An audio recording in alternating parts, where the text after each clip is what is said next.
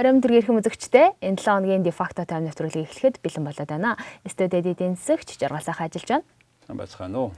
Бид тухайн 7 хоногийн хамгийн чухал 3 сэдвийг сонгоовч мэдээлэл хүргэдэг. Энэ 7 хоногийнхоо сэдвүүдтэй танилцъя. Дефакто институт 2 дахь удаага улс төрийн намуудын дотоод ардчлалын индексийг гаргалаа. Монгол улс бүх найрамдах хятад ард улсын хооронд дипломат харилцаа тогтоосны 70 жилийн ой хүрээнд Азийн төлөх БАУ форумыг Улаанбаатар хотод зохион байгууллаа. Ерөнхий сайд дотоодынхон хэрэгцээг бүрэн хангаагүй байж махны экспорт хийх хэрэггүй гэлээ.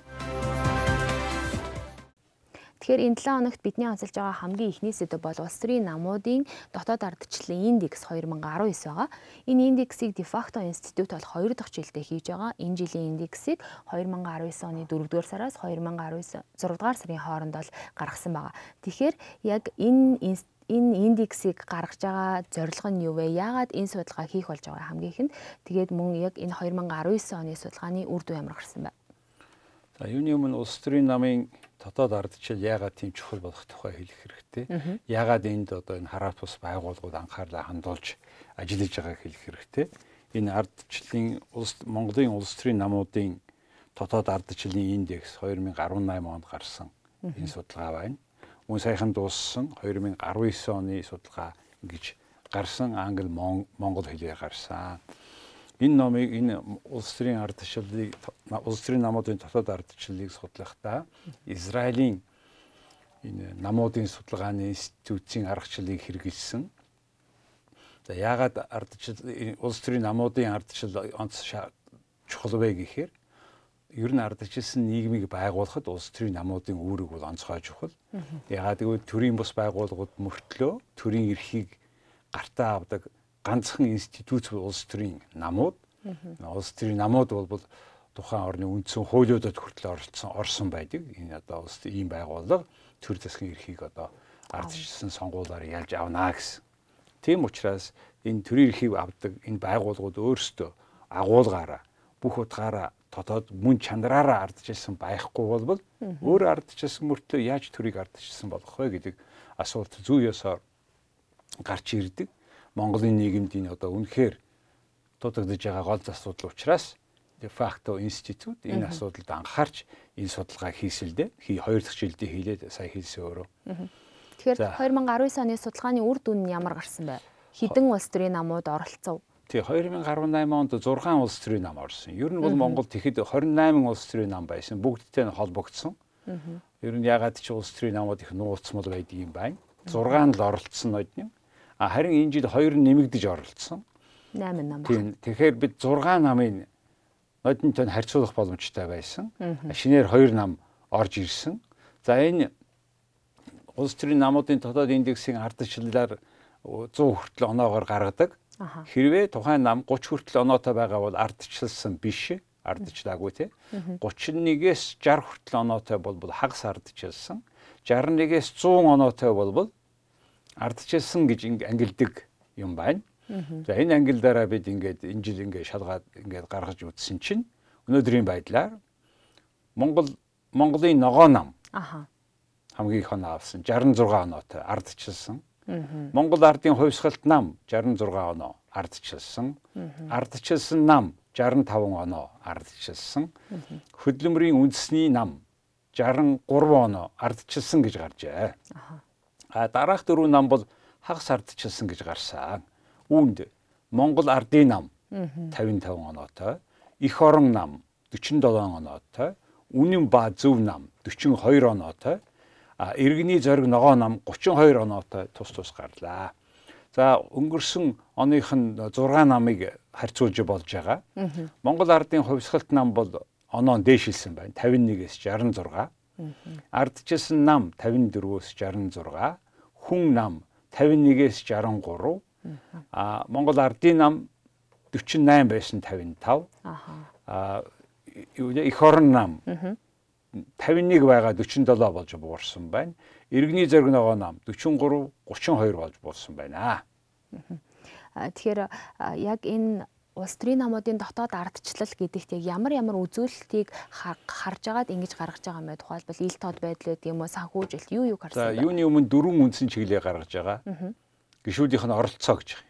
Нам доторх гişүүд. Нам доторх гişүүдийнх нь оролцоо шийдвэр гаргах гээд. Хоёр дахь нь төлөөлөл. Тэр тухайн намыг үнэхээр тэр яг бол нам чинь нөгөө тэрийг ирэх авшаа тий. Тэрийг ингээд өөрсдөө намаа аль зэрэг төлөөлүүлж чадж байна вэ гэдгийг харуулж байгаа. Гурав дугаарт нам доторх өрсөлдөөн, дөрөв дугаарт тайлагнал ба ил тод байдал гэсэн юм дөрвөн ангиллаар гаргасан л да. За энэ оролцоо гэдэг дээр ер нь анхаарч жишээлбэл сая улсын хурлын 42 дугаар тойргийн нөхөн сонгуул болно гэд баахан бэлтгэл болсон. Тэр үеэр идэвхтэй үеийн таарсан энэ жил. 2020 онд ээлжид сонгуул болно. Улс төрийн намууд намын хурал баг хурлаа хийж байгаа ийм бас идэвхтэй болсон үед энэ сонгуул таарлаа. Гэхдээ л энэ Монголын улс төрийн намууд тоторох бодлогын мэтгэлцээн өрнөж чадахгүй байна. Намын дотоод асуудлын хилцүүлгүүд нь хэлбэр төдий байгаа. За бодлогын асуудлууд дээр мэтгэлцээ нь бол баг өрнөдөг.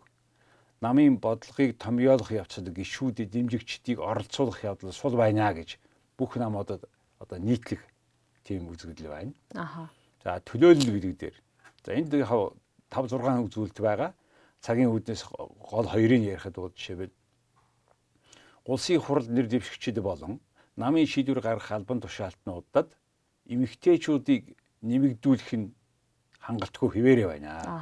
Эмэгтэйчүүдийн квотыг сайн дураараа нэмэгдүүлж тогтоохгүй байна. Тогтоосон ч гэсэн ёс төдий байна. За ийм юмыг төлөөлөл гэдгээ буюу нам өөрөө нийгмийг бүрэн төлөөлж чадж гэнэ үгүй юу гэж. Нийгмийг бүрэн төлөөлж чадаагүй намууд өөрөө их зас төрийн эрхийг аваад бүх нийгмийг төлөөлсөн бодлого явуулахад учир дутагдaltaй гэж үзэж байгаа. За гурав дахь нам доторх өрсөлдөө. За энэ дотор болохоор Жишээ нь 19 онд ардчилсан нам маань хоёр намын нэгдмэл байр сууриас зөрчсөн гэдэг одоо гişүүдийн намаас хөөсөн баг. Ардчилсан намаас их хурлын гишүүн Бацаанданга төдгөл зүүлж байгаа. Тэгээ улсын их хурлын урдаа намын бүлэггүй хөтөл болсон байна. За ман дотроо болохоор иргэдийн хот нийслэлийн иргэдийн төлөөлөгчдийн хурлын төлөөлөгч мөнх чулууныг гişүүнээс нь төдгөл зүүлсэн. Ягаад гэвэл тэр бодлогоороо гаргах хүний хүний оронд өрсөлдөөд ингээд төрүүлж одоо ялсан гэж. Дараа нь хоёр удаа ерөнхий сайд нэр дэвшүүлсэн хүнийг нь татгалзах эрхгүй байд юм байна л та. Тэгэхээр нөгөө гишүүнийг нь намаас нь төдгөл зүтсэн. Тэгэхээр юу яарвж нэг те зэрэг төрийн эрхийг эвсэн буюу ээжлэн энэ олон жил барьж ирсэн хоёр намын тодор намын удирдах зөвлөлийн цөөхөн хідэн хүний шийдвэрийг дагаагүй бол одоо эсэргүү болж хувирч байна нам дотор. Тэгээ намаас нь хөөж энэ бол намын дотоод ардчил ямар төвшөнд байна гэдгийг харуулдаг байгаамаа.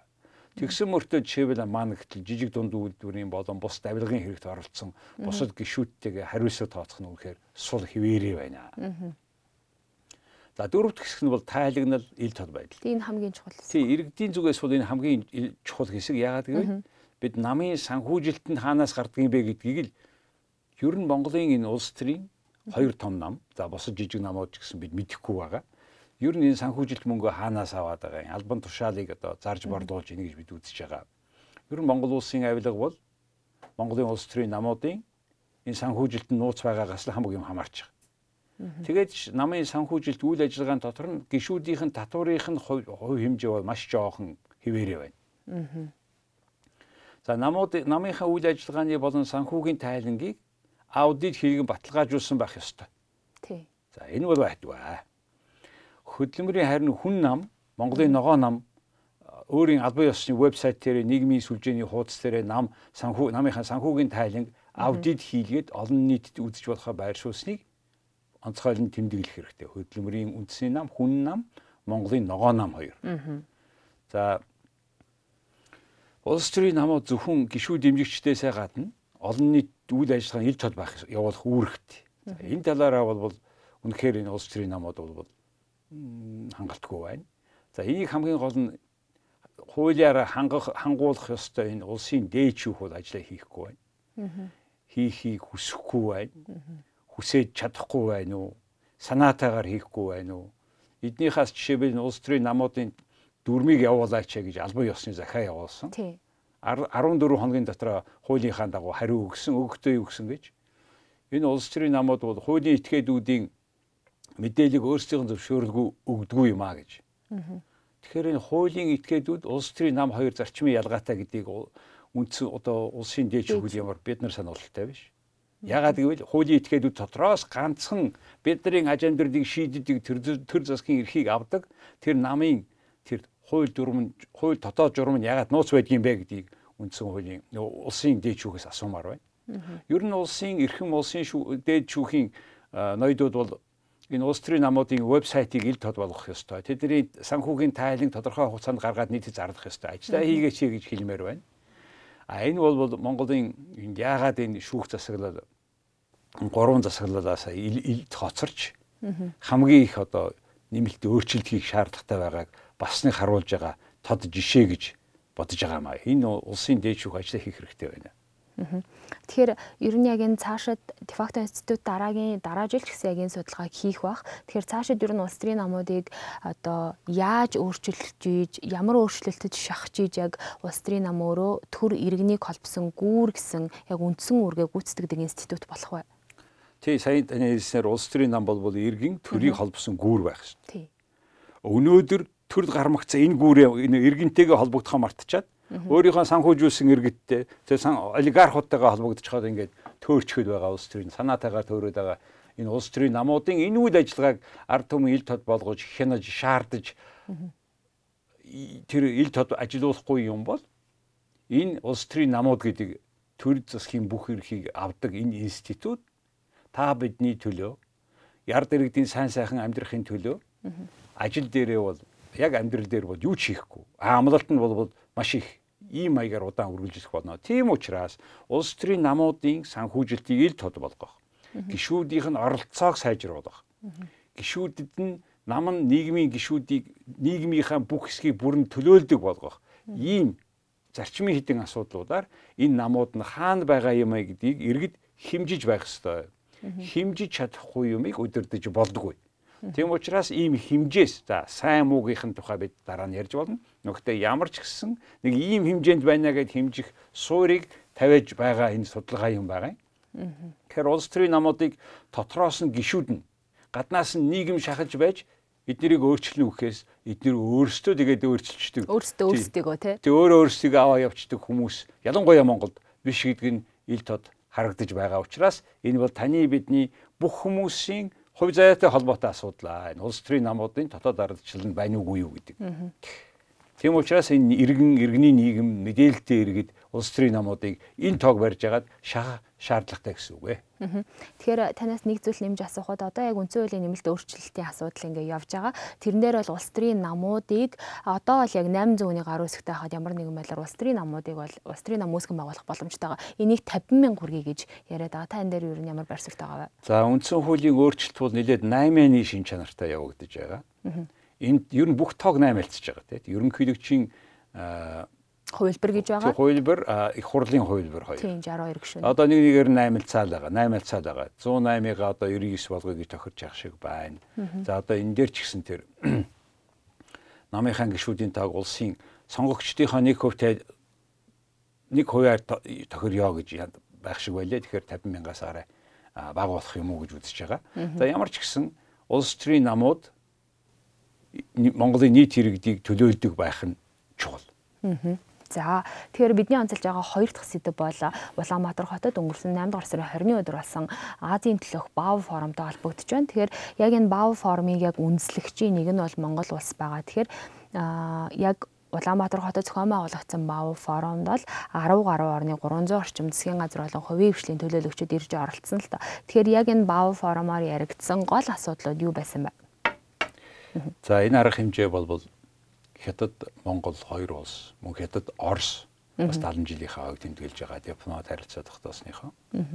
Тэгээ дипломат харилцаа хоёр хөрштөөгөө ийм хугацаа хугацаанд тогтоогоод хөлийн асуудалгүй тэгээ эдийн засгийн асуудлыг сайжруулахын төлөө ажиллаж байгаа гэдэг бол тэгээ орон болгон бол энэ олдоод байдаг хувь завшаан биш л дээ. Жишээ нь Хятадыг тойрсон манайхаас бас баг бүх орон хөлийн одоо зөрчилтэй байдаг. Зүйл бод улс салснаас хойш бас хоорондоо энээс болоод тэр Шанхайн байгууллага хамт ажиллагааны байгууллага гэж бий болсон. За БАО болохоор зэрэг энэ Хайнанд байдаг нэг арал. Тий. 2001 оноос хойш энэ Азийн төлөө БАО форум гэж нэгдсэн. Яагаад гэвэл дэлхий дээр нөгөө дэлхийн эдийн засгийн форум гэж байдаг. Швейцарт энэ Азийн хэлбэрийг ингэж зохион байгуулж байгаа. Азийн хамгийн том орон дэлхийн хүчирхэг эдийн засгийн орон энийг санаачлаад тэгээ нэг бүс нутгийн хэмжээний яриа болгоод ингээд явж байгаа. Тэгээд энийг энэ орнуудаа тойрч ээлжиж хийж байгаа. Энэ жил манайх болсон.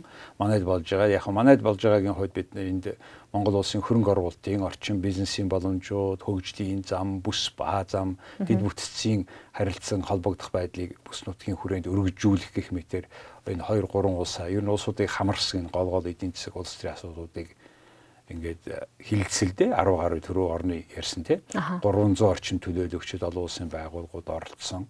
За энэ БАО форумын дарга нь нүүбийн даргасан банги мөн энэ хүн ирсэн. Ерөнхий нарийн бичгийн даргасан. Ерөнхий нарийн бичгийн даргасан банги мөн Монголд ээлжид айлчлаа хийсэн.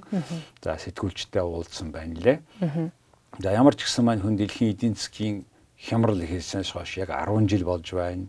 Шин уулзуур гараад ирлээ. Даяаршилаас гинт огцом ухарсан популизм, протекционизм энэ бодлогод өсөн нэмэгдснээр энэ одоо нэмэгдэж байгаа нь өөрөө дэлхийд даяар засаглалын бэрхшээл тулгарч байгааг харуулж яана гэж байгаа.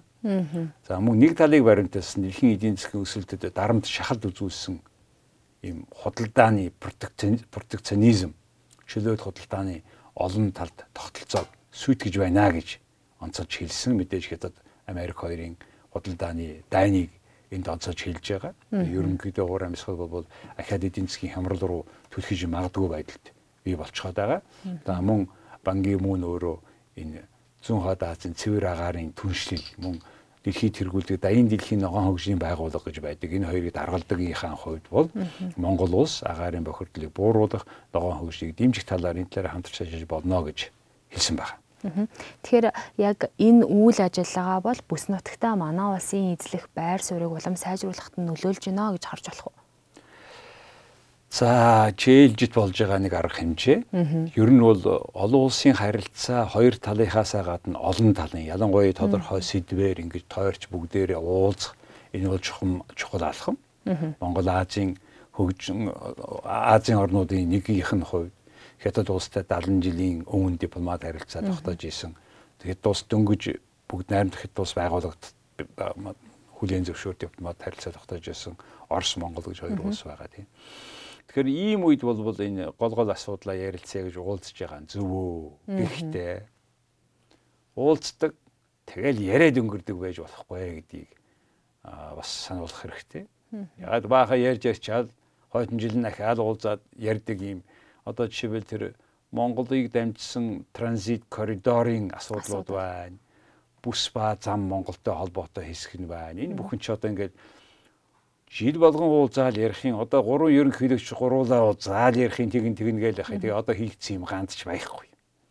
Тэгэхээр энэ ярихаас гадна хийхт нь бас нэлээд анхаарах хэрэгтэй болов уу гэж хой хүний үүднээс хэлмээр байна. За тэгэхээр бидний дараагийн сэдв бол энэ маш одоо хурцтмал сэдв байгаа гэж хэлж болно. Махны үн махны үнэтэй холбоотой асуудал байна л да. Яг одоогийн байдлаар бол 1 кг махыг 14-өөс 16 мянган төгрөгөөр тий худалдаж авч байгаа. Яг энэ дээр бол олон нийт бол 66 сая малтаа яжиж ягаад 1 кг ахыг ийм үнэтэй авч идэж байгаа юм бэ гэдэг дээр маш бухимдалтай байгаа л да. Өнгөрсөн 7 хоногт улсын онцгой комиссийн хуралдаан болоод ерөнхий сайд бол хүнсгөөдөө аж ахуйн сайд улаанд юу гэж хэлсэн бэ гэхээр махны мах гурилын үн хэрвээ дахин өндөр болох юм бол та толгоогоороо хариуцсан шүү гэж хэлсэн байгаа. Тэгэхээр яг махны худалдаачид юу гэж хэлж байгаа вэ гэхээр бид их одоо малтай нүнэн гэхдээ яг махны нөгөө мах өндөр үнэтэй байгаа учраас төрийн зохицуулалтад ямар нэгэн байдлаар орох хэрэгтэй байна гэж хэлээд байгаа. Гэхдээ яг энэ зах зээлийн нийгэмд чинь ямар нэгэн бүтээгдэхүүний үнийг нь төр зохицуулна гэдэг ойлголт байх уу? За их чухал асуулт. Тэгэхээр энэ юг харуулж байгаа юм бэ гэхээр нэг хэл үхрийн мах. Тий. Энэ бол өндөр калоритой, олон улсын зах зээлд үнэлэгддэг, ер нь хамгийн сайн калоритой бүтээгдэхүүн бол мах. А энэ мах бол одоо дэлхийн лүүн рүү бол хандах гэдэг шүү дээ. 6 доллар байх килограмм. А улс орон бол хоёр хөрөштэй манай махыг аваач гэдэг олон жил гуйсан. Хоёр талаас ирээд ер нь Монголын баруун аймагуудынх нь мал нь эрүүл юм байна гэж хэлээд ингээд мах аваад эхэлсэн. Анх удаага жишээл одоо манай баруун аймагуудад манай баруун гурван аймагт бол бүр онцгой үйлдвэрүүд байгуулагдсан байгаа. Тэр нь би бид нар хятадын вебсайт руу орж харлаа.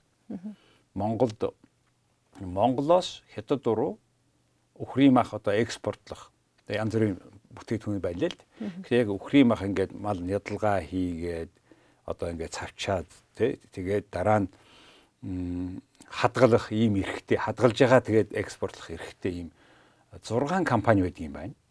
За энэ 6 компани 6 компани манай баруун 3 аймагт байгаа юм байна.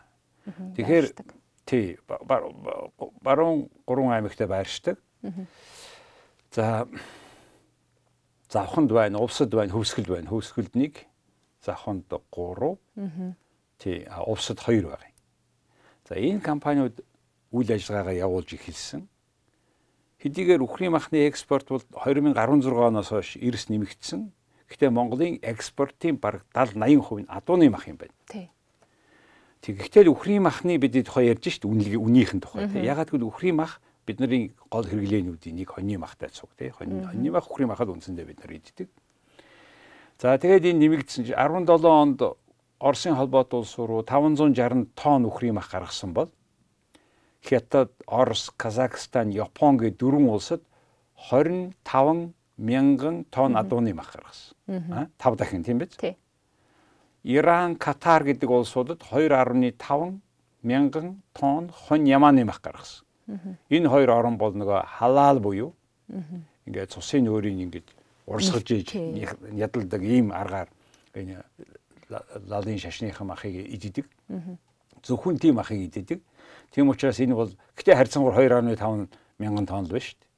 Тэгээ нийт жишээлбэл Монгол улс 28 мянган тонн мах экспортлоод 600 бишээ 137 тэрбум төгрөгийн экспорт хийсэн байгаа юм. 2017 он. 17 он. Гэхдээ энэ өмнөх 5 жилийн дундчтай харьцуулахад махны экспорт 7 дахин нэмэгдсэн. Зөвхөн өмнөх онтойгоо харьцуулахад 3 дахин нэмэгдсэн. Дараа жилүүдэд улам их нэмэгдэн. Тим хэмжээний үйлдвэрүүд Монгол барьсан байна. Тим хэмжээний одоо 120 гэдэг үйлдвэр байгаа шүү. 123 хаа. Улсын хэмжээнд 123 мах махан бүтээгдэхүүн боловсруулах үйлдвэр цех байгаа. Аа. Үеч ажиллаж л таарш. Эдгээрээс Улаанбаатар хотод 79, хөдөө орон нутагт 44. Гэхдээ Хятад улсад экспортлох эрхтэй 6 аж ахуйн нэгж байна. Тэр нь зургуула баруун аймагт байна.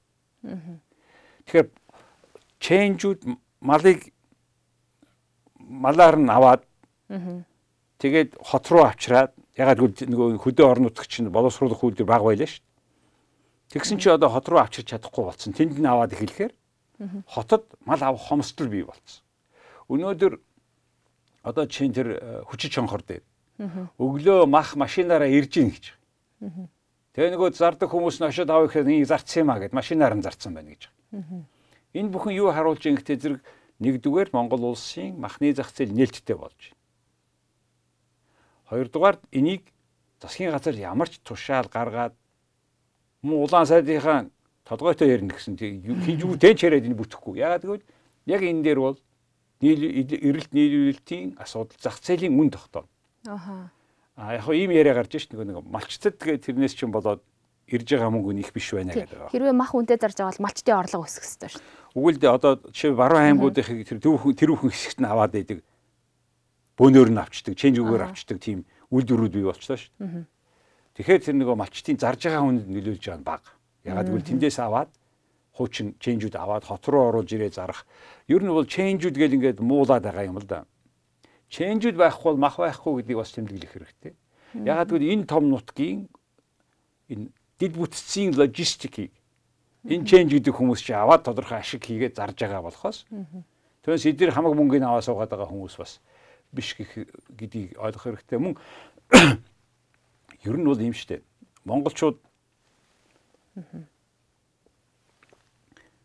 бид нар 66 сая малтай нэг 12 сая малын жилдээ ядалж идээд байгаа энэ ядалж идэж байгаа мал чи манай нийт боловсруулж байгаа малын бид нийт идэж байгаа махныхаа 10% үйлдвэр агаар боловсруулад 90% нь чейнжүүд гар арга гаргаар нэтлээд ингээд үндсэндээ Улаанбаатар хотыг гар аргаар нэдэлсэн махаар бид хооллож байгаа. За энэ бол удаан явах боломжгүй. Дэлхийн улс оронд энийг хордог. Ямар нөхцөл мал ядалсан, ямар хуу ариун цэвэр нөгөө дүрм журмаас агсан хүмүүс байсан энэ бүхэн бол их олон хүний тэр олон ченжүүдийн ажлын байртай холбоотой асуудал. Тэгэхээр мөн энэ ганц сайдынхаа нөгөө сайдтайгаа хариуцлага ярихаас өмнө энэ логистикийн асуудал байгаамаа. Тэгэхээр Аха. Ерөнхий сайд бол одоо юу гэж хэлж байгаа вэ гэхэлэр мах үнэтэй байгаа шалтгаан нь хомсдолтой бүрэн хангаж дотоодынхоо хэрэгцээг бүрэн хангаагүй байна гэж үзээд дотоодынхоо хэрэгцээг бүрэн хангаагүй байж экспортлох талаар ярихгүй шүү гэж хэлээд байна л да. За ерөнхий сайд юун тухай яриад явчих ба гэхээр нэг хоёр хөршигөө бид нэр сүүлийн баг 10 жил гуйсан да манай махыг аваач. Тэгээд нөгөө дүүлч одоо ингээд аваад эхлэхээр оо бид дотоод хэрэгцээг хангахгүй байна гэж хэлээд үнийн л асуудал да. Тэгээ энийг зогсоох ганцхан арга нь болохоор зэрэг төр хийж чаддаг ганц арга нь болохоор за эсвэл нөө хямдхан байхад нь аваад үн нэмэгдэхээр нь нөөцөлж байгаа нөөцийн маха зардаг. Тий. За энд бол нэг тодорхой хэмжээгээ шийдэж ирсэн. Гэхдээ энэ бол тэмч явцтай арга биш. За нөгөөх нь болохоор зэрэг улаан цайм шууд л экспортын татварыг нэмэх. Энэ бол бид худалдаагаар нөгөө хүдээсэн үүрэг байгаа дэлхийн худалдааны байгууллагад ийсэн орохдоо яг юу юун дээр бид ямар хариу хэмжээ тавих вэ гэдгийг зааж өгөөгүй байсан. Энэ бүхнээс хамаарат энэ бол тийм амархан биш. Ганц сайж шийдэхгүй нэг. А ер нь бол зах зээл энийг шийднэ. А энэ зах зээлийн дид бүтц нь цомхроод энэ логистик гэдэг нь э, авж байгаа, нийлүүлж байгаа энэ өрсөлдөөнтэй өрсөлдөөнөөсөө болоод жоохон үнэн жигдрээд тэр хамгийн анхны энэ махыг бүтээж бий болгож байгаа тэр малчт руугаа илүү үнцний явах хэмжээний өрсөлдөөн болсон цагт л энэ араа жигдэрнэ. А түүнээс биш бус үеэр бол ямар ч боломж байхгүй. Энэ үн бол тэгээд эсвэл за нийлүүлэлт багасах юм бол бол нэмэгдэнэ. Нийлүүлэлт ихсэх юм бол хасагдана. Гэхдээ нэгэнт экспортын краныг онгойлгоцсон учраас энэ дээр нийлүүлэлт тодоодын зах зээл рүү нийлүүлэх ашигтай биш байгаа учраас экспортод гаргах нь ашигтай учраас энэ хандлага за ер нь бол барагтай тушаалаар зогсохгүй дээ. Аа. За тэгэхээр яг энэ түрээд бол энэ 7 хоногийн дефакто тавь нэвтрүүлгийн цаг дуусаж байна. Тэгэхээр энэ 7 хоногт бид бол 3 сэдвийн хүрээнд ярьсан. Эхний сэдв бол дефакто институтээс 2 дахь жилдээ гаргасан улс төрийн намуудын дотоод ардчлалын индексийг танилцуулсан байгаа. 2 дахь сэдв бол Улаанбаатарт 8 дугаар сарын 20-ны өдөр болсон Азийн төлөөх БАВ форумын асуудал. 3 дахь асуудал бол махны үн экспорттой холбоотой юу эсвэл махны үн юу яагаад өндөр байгаад байгаа юм бэ? Ямар тохиолдолд мах ингэж махны үн хэвийн хэмжээндээ очих юм бэ гэдэг талаар ярьлаа. ¿verdad?